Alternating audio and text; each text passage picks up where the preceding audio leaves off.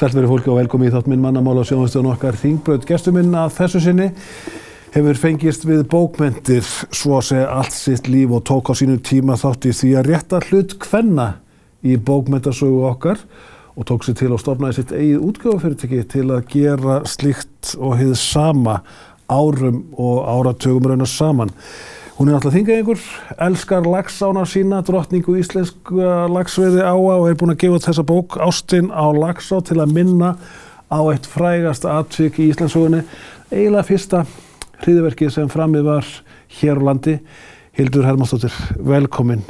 Lagsáinn, sko það lifnar yfir, það lifnar yfir augunum þegar maður minnist á þessa drottningu íslenska lagsveiði á það. Já, já, hún er engri lík. Já, þú ert alinu upp á bakkonum. Jú, jú. Í Árnesi. Já og þú skrifar þessa bók yeah. Ástinn á Lagsá til að svona minna kannski svolítið á hlut pappaðins Hermáðs Guðmurssonar sem herrforengjans í þessu máli, hann svona var að baka við tjöldin og skipuleiði já, já. 1970 1970 var sprengjan stóra spreng. eins og gerst hafi gær. Eins og gerst hafi gær. Þetta er svo greift í sko hjarta okkar norðamanna. Já, það er það. Já Þetta er, var náttúrulega einstakur atbyrg en hann átti náttúrulega tölverðan aðdraganda. Og pappin var plottarinn á bakvið tjöldin. Já, já. það var. En í þessu tóku náttúrulega þátt allir þingaðingar svo að segja, mjög margir. Já, það voru sko 130 manns já. sem voru þarna á stanum þegar þetta já. gerðist. Og mikið í húi. Já, já, auðvitað. Við ætlum að fara í þessa miklu sögu hér í setjumhluta þáttarins þegar að mývetningar og þingaengar tóku sér til og uh, sprengtu stípluna sem átti að fylla svo að segja halvan dalinn fyrir ofan núverði stíplu en hildur bækur hafa verið huglegnar svo að segja allir þitt líf. Já, já, já. það verið þannig. Þú fóst í bókabransan. Ég fór í bókabransan. Já. Ég reyndar er kennari, var kennari í nokkur ár já. og Svo ég náttúrulega lærði bókmyndafræði í háskólanum já.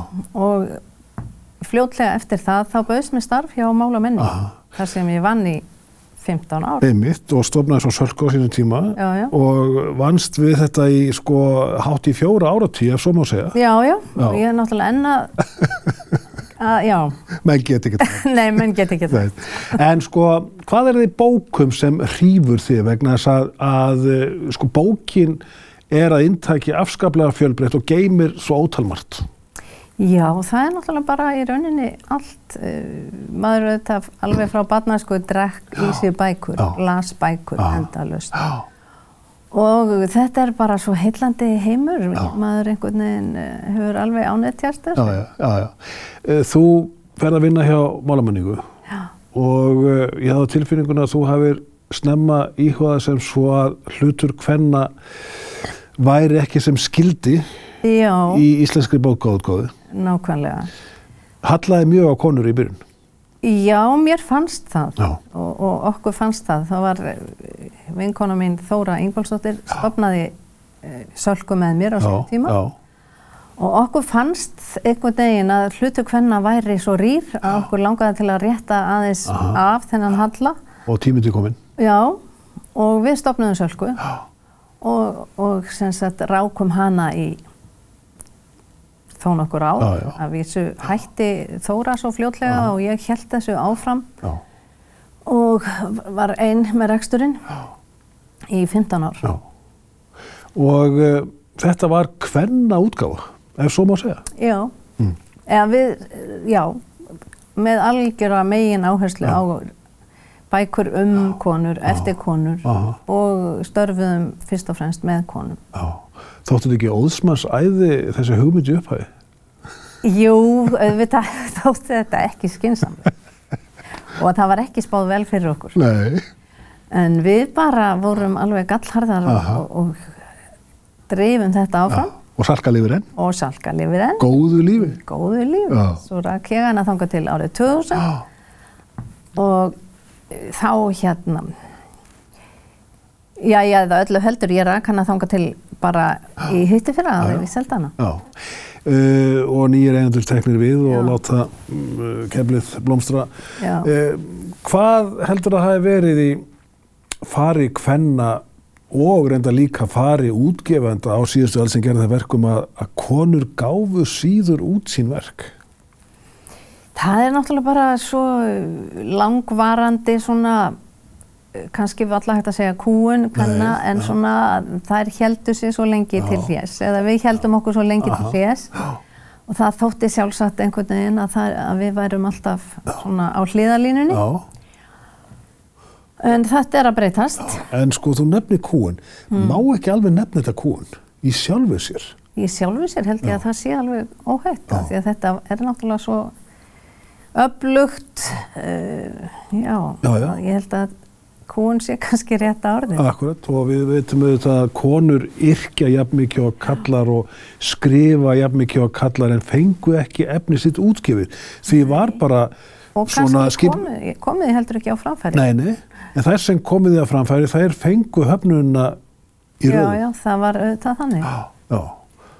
Hvena byrjar þetta að breytast? Við náttúrulega þekkjum sko frá fyrir tíð auðvitað skálkonur eins og Söfu Jakobs, Jakobinu Sigurdóttur og jável þar á endan Guðruna frá Lundi já, úr fljótum norður. Já, já. E, þetta voru mikla skálkonur sem breyttu miklu og voru vinsælar. Já, já, já. Þetta auðvitað byrjar að breytast bara þegar líður á 2000 öldina. Einmitt og hægt og rólega heldur þetta áfram. Og hérna vonandi höfum við svo í seinustu áratjónu reykið smiðsökið á þetta þannig að við séum að verða svona nokkuð jafnfætist. En eftirstendur og maður þekkir það bara á sínum formaðurum, Sigrunu Ömmu Minni sem orti í sína konfettkaksa sko árum og áratögun saman en þorði enga veginn að byrta þetta nefna bara fyrir sína nánstu. Það eru ótal marga sögur til af svona konum. Já, já, já, já. ótal margar já. og mikið, ábyggilega mikið efni til sem að væri hægt að og verðt að skoða já. enn þann dag í dag. Erum við núna árið 2022 uh, þegar nýja öll er ennþá ung búinn að rétta þennan hlut? Ég held að það vanti nú herslu munin ennþá að við séum búin að rétta þennan hlut af. En ég held að við séum alltaf langt komnar með að, að komast næstum því jáfættis.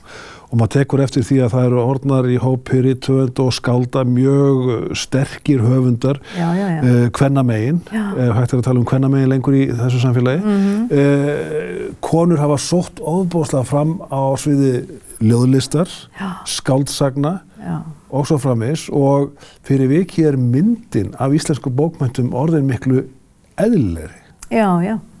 Það er alveg rétt. Er, þetta hefur breyst gríðarlega mikið á síðustu áratugum og þetta er að verða miklu jafnara og eðlilegra ástand í þessum heimi. Já. Förum heim Já. í Árnes réttu Hárileika skóla á Bökkum Lagsár í Aðaldal.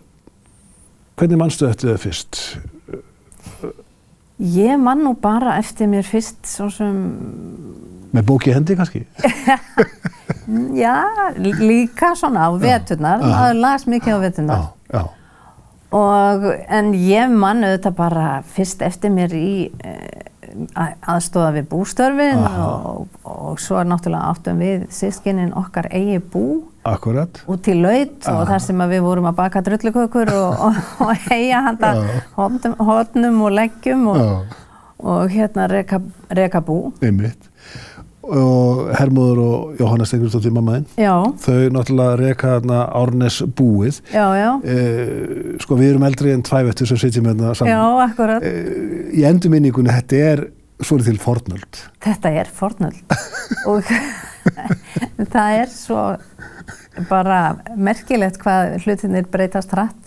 Maður, ég mann þegar maður var svona um tvítugt og, og hérna manni fannst að nú væri nútíminn kominn sko. já, já. Og, en það var ekki alveg þannig já. þannig að það heldur áfram að breytast Einmitt. En það er alltaf nóg að býta að brenna heima í Árnesi á þínum ungdómsárum Já, það var nú þannig bara, var, pappi var mjög stórhuga og í sínum búrekstri og var með stórt bú og, og sem sagt það eh, ógs mjög hrætt í hans höndum Aha. og þeirra fljótlega voru danskir fjósamenn og, sem, og stórt fjós og, og margar kindur og gríðarlega stórt tún og bara mikið og uh, róugarðar, það var hérna ræktaða róur og fjöldi mann sem kom á höstin að taka upp og þannig að þetta var svona tölveru rekstur Einmitt. í kringum árnesbúi. Stór bú sem blómstræði. Já. Já. Þannig að pappi var alltaf alveg frá upphafi Já. mjög stórhuga. Aha. Eh, pappi hans var að leiðsegja lagsveðimunum. Nei, pappi hans var Guðmundur Fríðjónsson, Já. skáld frá Sandi, Já, en pappi mömmu, það er pappi mömmuðinnar. Stengrimur Baldvinsson í Nesi, Já, það munaði einum. hann munnaði einu, Já, að hann var að leiðsegja lagsveiðimönnum og var þekktur veiðimaður sjálfur Akkúrat. og þekktur hagirðingur líka. heldur betur. En sko, frægir lagsveðimenn fara að koma þarna mjög snemma. Já, já, það er alveg þannig. Lagsóin hefur sitt aðdóttarafl. Já, já, Eftir hverju mannstu? mennar í sambandi við veiðimenn. Já, þessi frægu. Þessi frægu. Það náttúrulega, sá alfrægasti var auðvitað Bing Crosby Aha, og, og eh, hann náttúrulega kemur þarna og eh, árum saman eða ekki? nei, hann kom bara í eitt skipti. Já, já, En það voru með honum kvikmyndatökumenn og það var tekið upp, teknar upp myndir og hann var að syngja þarna á bökkum lagsár og En það er búið að sína þetta og segja svo oft frá því að manni finnst þess að hann hafi komið oft. já, nákvæmlega, ég held að sé það æmið þess vegna sko. Já. Jack Nicholson. Jack Nichols, Já. já, hinn frægi, Já, já. golvari Já. og fleiri og fleiri. Já. Og, Fossetta náttúrulega. já, já, fórsetar og, og alls konar þekkt nöfn. Og var þetta ekki bara vennilega menn? Óskup venjulegi menn, bara sem þurfti að borða og sofa og kvíla sig eftir veðurdaginn. Já. En hvað með Hildi Hermósdóttur sjálfa sem elst upp á Laxárbökkum? Ert þú veiðikona? Ég hef svolítið gripið í það, já. Já. Og ég var í svona, þegar ég var ung, nokkur sumur var ég að leiðsega. Já, já. Keirað á áni og benda þeim á veðistæðinu. og Aha. svona. Já. Og útskýr nú fyrir mér sem hef eiginlega aldrei veitt lax á æfinni, hvað er spunnið í þetta? Það er náttúrulega, sko, það að vera út í náttúrunni. Já. Að e, þetta er auðvitað ákveðin spenna að finna út hvar laxinn liggur Aha. og reyna að, að fanga hann. Aha. og eh, já og, og sem sagt æfa síðan á þeirri leikni að kasta á réttu staðina Einmitt. Að því leit er þetta íþrótt að því leit er þetta íþrótt en svo er það náttúrulega bara útivistinn og núvitundin núvitundin, skulum ekki gleyma vera með sjálfum sér. vera með sjálfum sér, út í náttúrunni Já. En nú eru menn fættin að sleppa, það finnst mér skytið. Já, og það finnst mér líka reyndar. ég heila hætti að veða þegar að það gekk ykkar, svo venja gekk ykkar. Svo litið öfugsnúið. Það er svolítið öfugsnúð. Ég hef alltaf ákveðna vantrú á þessu. Drepast er ekki bara þegar þeir eru konur út í þetta. Akkurat. En þú ferð frá Árnesi, þú yfirgefur uh, lagsárdaliðinn uh, og ferð á aðra slóðir á Íslandi eins og gengur. Er maður samt alltaf sveitakona?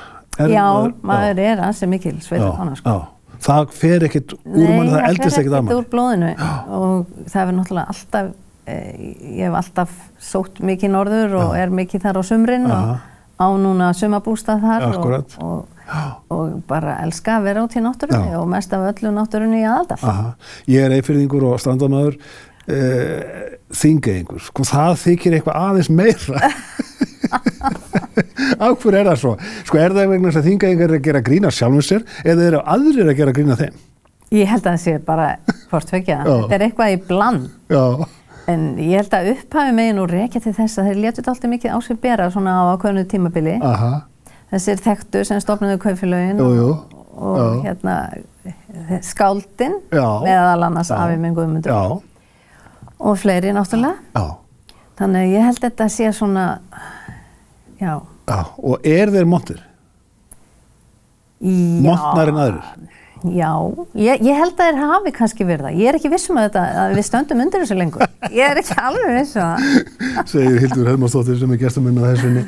Var ekki á þessa bók Ástinn á Lagsó sem fjallar um svona hriðverkafóringjan Hermóð eh, Guðmundsson föðurinnar. Við ætlum aðeins að skeignast inn í þá sögu hér eftir andartak og uh, svo litið segja frá því hvernig þetta bar að vegna þess að aðdraðandin var svo litið sérstakur eftir andartak.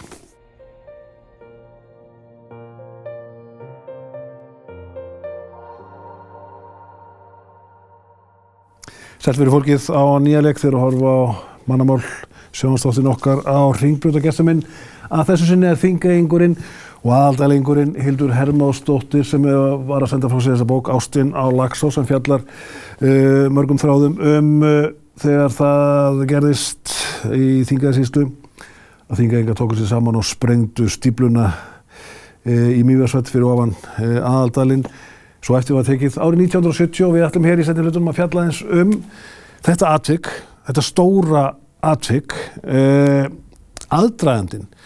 Sko þetta fór óskaplega leint en það má kalla frumlæð þessa stíplugerð sem átti að veita vatni gegnum lönd þingaenga í óþökk þeirra Já, sko þessi stípla er náttúrulega reist, uh, var ekki tengt virkjuninni þannig geð. Hún var reist til Já. þess að uh, svona miðla vatni Aha. og jafna vassrensli niður til virkjuninnar. Já. En hún var reist í óþökk landeiganda, þannig upp í mjög sveit. Mjög ofalega. Mjög ofalega, eða, já, eða öllu heldur neðarlega í mjög sveit, ofarlega í lagsáfdag. akkurat, akkurat. Eða rétt ofan við lagsáfdag. Og, og það var sem sagt Málið var að eh, landegjandun þótti þetta trubla uh, silungs, silungs uh, uh, stopna í vatninu og, og lagsá sem rennur úr mjög vatni niður lagsádal og síðan niður í aðal. Þannig að þessi, þessi stíbla var reist í óþökk landegjanda og var svona þeim alltaf þyrnir í augun. Já.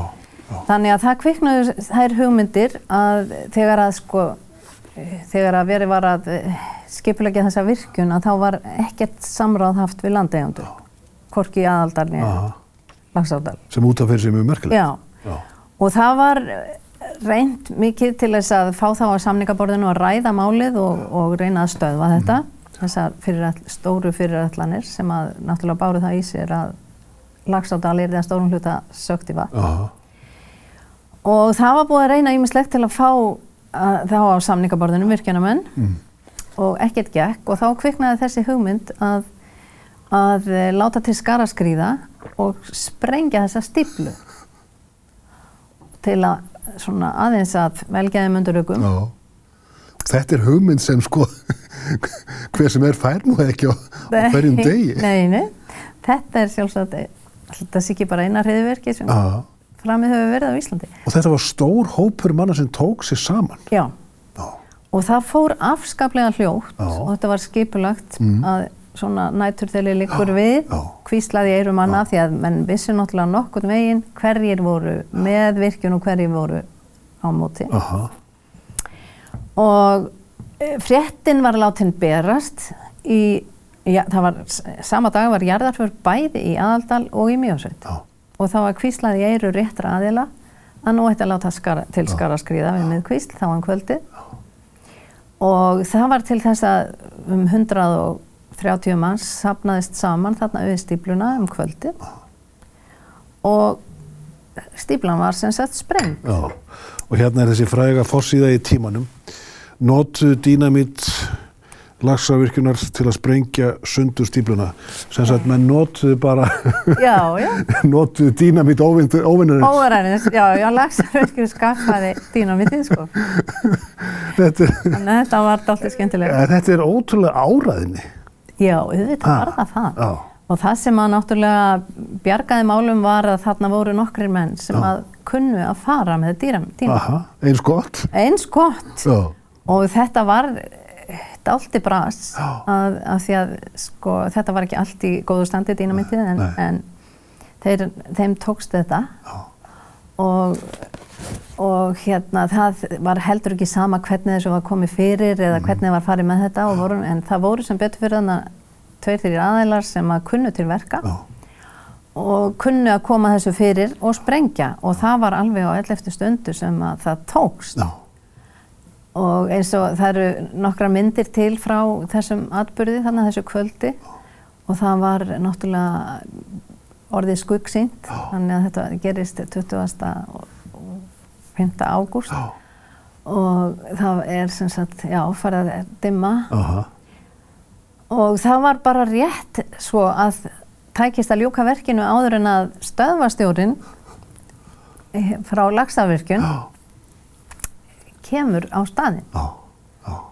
Þá er þessu rétt lokið. Já, og þetta tókst? Þetta tókst.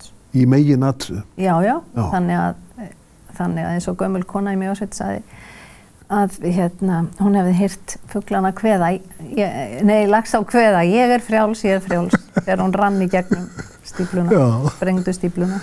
En sko í endurminningunni er þetta náttúrulega heldur feikilega stór atbyrður í náttúruvendarsögu Íslands.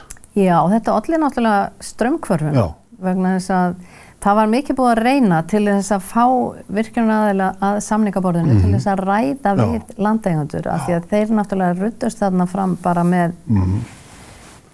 uh, alveg án þess að Já. tala við kongni prest Já. og þetta var náttúrulega alveg fáránleg að, uh, aðferð og aðför aðför að náttúrunni og, og, og hér, þetta var náttúrulega mjög Já, og margir vilja meina svo að þetta sé upphafið af setni tíma náttúruvernd á Íslandi. Já, það er náttúrulega þarna akkurat á þessum tíma eru að verða breytingar Já. og það eru hlutir að gerast út í heimi. Þannig að þetta er svona dálítið í takt við það. Aha. Þannig að eh, fyrir rest urðul lagsafvirkjunum að hlusta og setjast að samlingaborðinu og það tókst sem sagt. Og þú stendur sjálf á tvítu, þú finnur fyrir þessum sko róttæku breytingum sem er að verða á einu öllu, ekki bara í kvennfrelsinsátt, þetta líka í sko, náttúruvendarátt og þessum umskiptum bara í samfélagsgildum. Já, já, það eru náttúrulega bara að verða svo gríðarlegar þjóðfélagsbreytingar þarna. Já. Það var, menn gátt ekki lengur farið fram bara eins og þeim síndist. Nei, nei, einmitt. Þáttur pappa eins, þú ert kannski að skrifa þessa bók ekki síst í þess að svona eh, hampa þætti pappa eins sem hefur svolítið fallið í gleimsku. Já. Af því hann dóst upptur setna eftir þetta atvik. Já, hann bara deyr örfáum árum þarna setna. Já, 60 hvað? Eftir, já, 62 ára gammal. Eftir að standa þarna í eldlinjunni í tíu ár. Og, og eins og bara gerist að þá gleymast menn og, og, og svona með tímanum. Já, já að mér fannst einhvern veginn að hann væri orðin svolítið glemtur, þannig að mér longaði að, að revja upp svolítið betur hans sögu. Já sko Sigurður Gísurarsson lagmaður landægjanda, hann Já. hafði reyndar skrifað ágæta bók sem heitir Lagsardeilan þar sem hann lýsir þessu öllu saman. Já. en hún er náttúrulega badd síns tíma svolítið og þannig að mér langaði svolítið að, að eh, lífga við þessa sögu. Já, sem er síkild þó að sé árið 50, 50 ára komur og verð það Nákvæmlega, nákvæmlega og það bara, menn eldast og, og ég sem var með, já, meðal þeirra yngstu þarna já. þegar þessir atbyrgur gerðust er núna að verða gummul og áður en það er ára sent langaði mig að já. segja mín að sögu.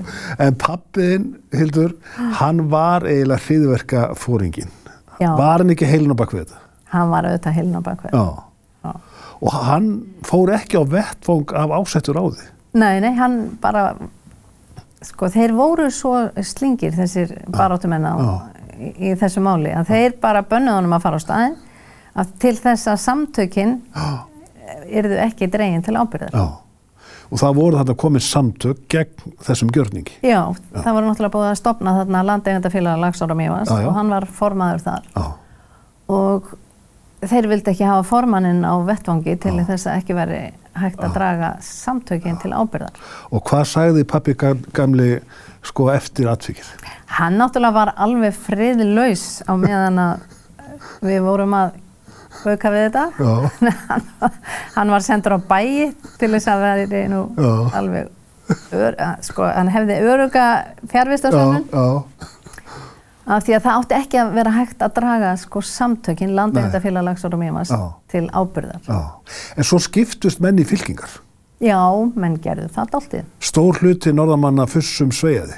Já, já, það er náttúrulega sko, það eru bara átökinn millir nútímans og það, og já, ég það hvað var maður að segja, átökinn á millir þeirra sem vilja venda náttúruna og þeirra sem að vilja engu eira eða já. vildu framfarir eða hvernig já. sem að maður á að útskýra það og vildu ekki að þetta stæði veginum fyrir því að, að hægt var að virkja og, og gera stóra hluti í þingaðsíslu. Hvað hefði gerst ef stíplan hefði staði? Hver væri ásýnd uh, Mývarsveitar og Laxárdals uh, fyrir vikið? Þú meinar ef að stóra stíplan hefði verið reist? Já. Já, ef hún hefði verið reist eins og upphaflega var á ætland að þá hefði náttúrulega Laxárdalur farið í kaf svona einum þriða líklega já. eða já. já og náttúrulega þessi stóra stípla hefði eh, ógnað lífuríkinu fyrir neðan og öllu þetta er náttúrulega gjör breytt landslægi. Og allt þetta fegurstasvæði þar sem að Laxá byrjur að tipla niður úr mjögvöldni, það myndi... Já, eða þar sem Laxá rennur úr Laxárdal og niður í aðald. Já, já, það hefði... Stíplan hefði komið sko já. á mörgum aðaldals og Laxárdals. Já, já, já. Þannig að neðstil hluti Laxárdals hefði farið á kaf. Já og þú, við getum þakka þér og aðra góða fólki að svo fór ekki. Já, já, já, já, endilega gerði þetta. Bestu þakkir, Hildur Hermansdóttir, sem að gestur minn að þessu sinni. Að vikuleginu verður annar gestur í hennarsæti að segja frá annar æfi og öðrum störfum í mildtíðinni verið góð hvert við annað.